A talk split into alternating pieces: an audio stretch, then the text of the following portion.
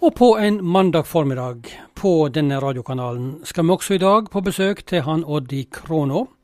Kunstneren og forkynneren Odd eh, Dubland er hjemme i Kråna når vi ringer deg opp eh, på Skype mandag. Du sitter og venter, Odd? Ja, god morgen, god morgen, Inge.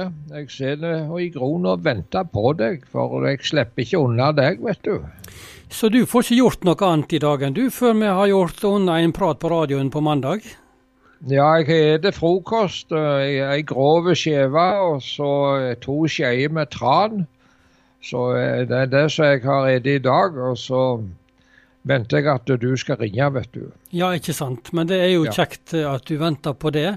Eh, ellers er du mye hjemme om dagene i denne tida, eller hvordan er det? Ja, jeg har i grunnen sagt ifra meg alle taleoppdrag eller møtesamling nå er jeg, og jeg er ikke ute på møte lenger pga. denne koronagreiene vi har fått. Ja, denne koronapandemien nå, vi snakket om den i vår, og vi snakker fortsatt om den i landet vårt. Hvordan har du opplevd denne tida? Ja, det er for så vidt mest synd om de folk som sitter helt alene og ikke kommer seg ut noen plass, og kanskje har få som besøker de. Og det kan være også eldre folk spesielt, og på sykehjem og bortover slik. Og jeg eh, ser først for meg det at vi må be om velsignelse over de som styrer eller steller med denne vaksinen som en venter på. Og likeens de som står så hardt på i sykehjem og sykehus og prøver å hjelpe til i denne situasjonen. Men er, en må ikke tenke slik at, at Gud beskytter meg uansett hvordan jeg gjør. Eh, I Israel i dag så er det noe som heter ultraortodokse, og de vil ikke ha noen ting med de, de vil ikke ha noen ting med staten Israel å gjøre i hele tatt. og Disse ultraortodokse er de som er hardest rammet av koronaen i Israel. Og En kan med god samvittighet holde seg hjemme fra kristne møter og fra forening og bibelgruppe i denne situasjonen som er nå. Men eh, vi får håpe det at, det kommer, at de kommer fram til en vaksine som kan eh, hjelpe på, du Inge. Ja, det gjør vi virkelig. Eh, og sånn som du sier, vi kan be om det òg. Ja, visst kan vi det. Visst kan vi det, ja. Du Odd, eh, når jeg innleda sendinga i dag, så sa vi skulle snakke om drømmer. Hvordan er det? Er du en mann som drømmer av og til? Ja, det hender at jeg drømmer. Med, kanskje mesteparten av det som jeg drømmer, har jeg helst lyst til å glemme så fort som mulig. Ja. ja det.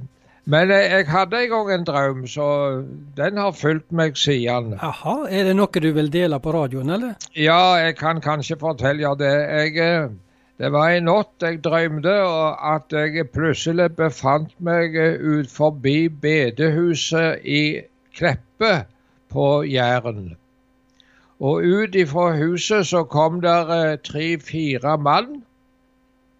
Og Der de hadde vært på møte, og jeg forsto det slik at det de hadde snakket om der inne, det var hvor viktig det var til å være på den rette hylla i livet. At du hadde den plass som passet best for deg. Men da var det en av de, jeg skal ikke si navnet på han, jeg kjente han. Han kom bort til meg, og så sier han plutselig slik. Jeg skal si deg det, Odd, sa han. Det er mye viktigere at du er en kristen der du er, framfor å tenke på hvor du skulle ha vært henne. Jaha. Ja. Hva, hva, så, hva, ettertanke gjorde det deg? Ja, For det første så tenkte jeg som så at uh, det var ikke så gale sagt, det der. Og eh, det er ikke alltid han har sagt såpass eh, kloke ord i vågen til innstand han som sa det heller. Men uh, det, det var en drøm som har fulgt meg sier han.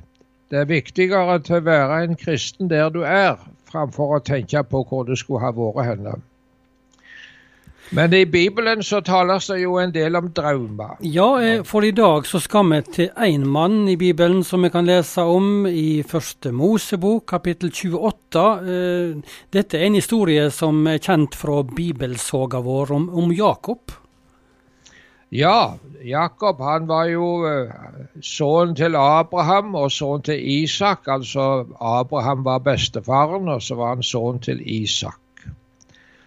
Og Jakob han, uh, han drømte han, han, skulle sove, og så fant han en stein og så legge hodet sitt på. Det var noe hardt det der. Ja, det hørtes hardt ut det der. ja, han hadde vel litt mer på under hodet da allikevel. Men han hadde en drøm. Og det han drømte, skal jeg, eh, jeg skal lese det som står skrevet om det. Første Mosebok 28, altså. Vær så god. Ja, ja. Og sjå, en stige var reist fra jorda, og toppen nådde opp til himmelen. Og sjå, Guds engler gikk opp og gikk ned på den.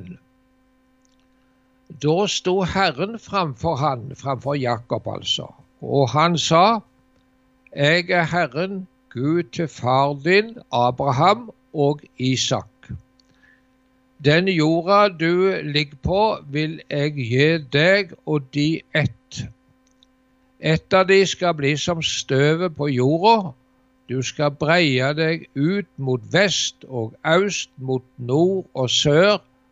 Og i deg og i de ett skal alle slekter på jorda velsignes. Og sjå, jeg vil være med deg og verne deg hvor du enn går, og føre deg tilbake til dette landet. For jeg skal ikke gå ifra deg, men gjøre det jeg har lova deg. Ja, dette drømte Jakob. Og så da han våkna av uh, svevnen, så sier han slik, Jakob, sannelig, Herren er på denne staden, og jeg visste det ikke. Og han ble redd og sa hvor skremmelig denne staden er. Dette må være Guds hus. Her er porten til himmelen. Og om morgenen så sto Jakob tidlig opp, og denne steinen han hadde hatt under hodet, den reiste han opp som ei støtte til minne om dette, og han kalte plassen for Betel. Altså Jakob han uh, mente det at dette må være Guds hus. Her er porten til himmelen. Og nede gjennom tidene så har mange mennesker tenkt som så at hvor er den plass vi kan møte Gud?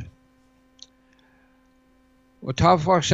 muslimene. De skal en gang i livet, så langt de har anledning og råd og helse til det, en gang i livet så må de reise til Mekka, der de skal dyrke Allah. En plass, altså. Et sted. Og her er Guds hus, sa Jakob. Her er porten til himmelen. Ja, Betel, det betyr vel òg Guds hus? Ja. Men så er da spørsmålet er det noen plasser på jord så Gud har valgt seg ut så han skal møte oss. Ja, hva vil du si om det, Odd? Nei, det er ikke slik en plass på jord.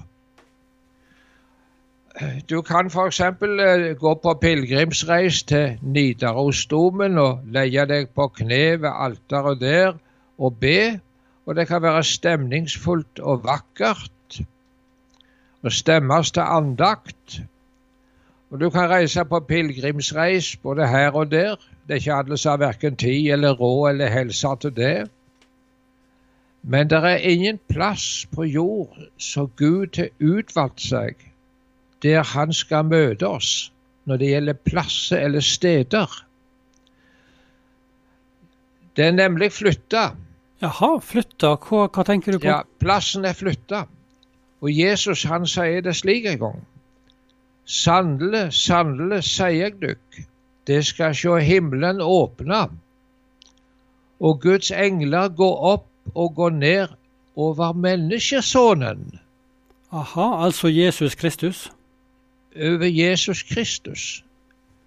Altså, stigen er flytta bort til Han, og her kan alle mennesker be til Gud gjennom Han. Og Dette syns jeg er så veldig fint. At uh, dette er en gave som er gitt oss alle sammen. Vi kan si det slik at plassen er erstatta med en person. Det skal ikke himmelen åpne og Guds engler gå opp og gå ned over menneskesonen. Altså Hvis du vil ha med Gud å gjøre, så må du ha med Jesus å gjøre. Og så har jeg lyst til slutt å lese en sang som ble en gang skreven i 1927 av en mann som heter Nils Lavik. Og Jesus, ditt navn er det beste av alt det du synderen gav.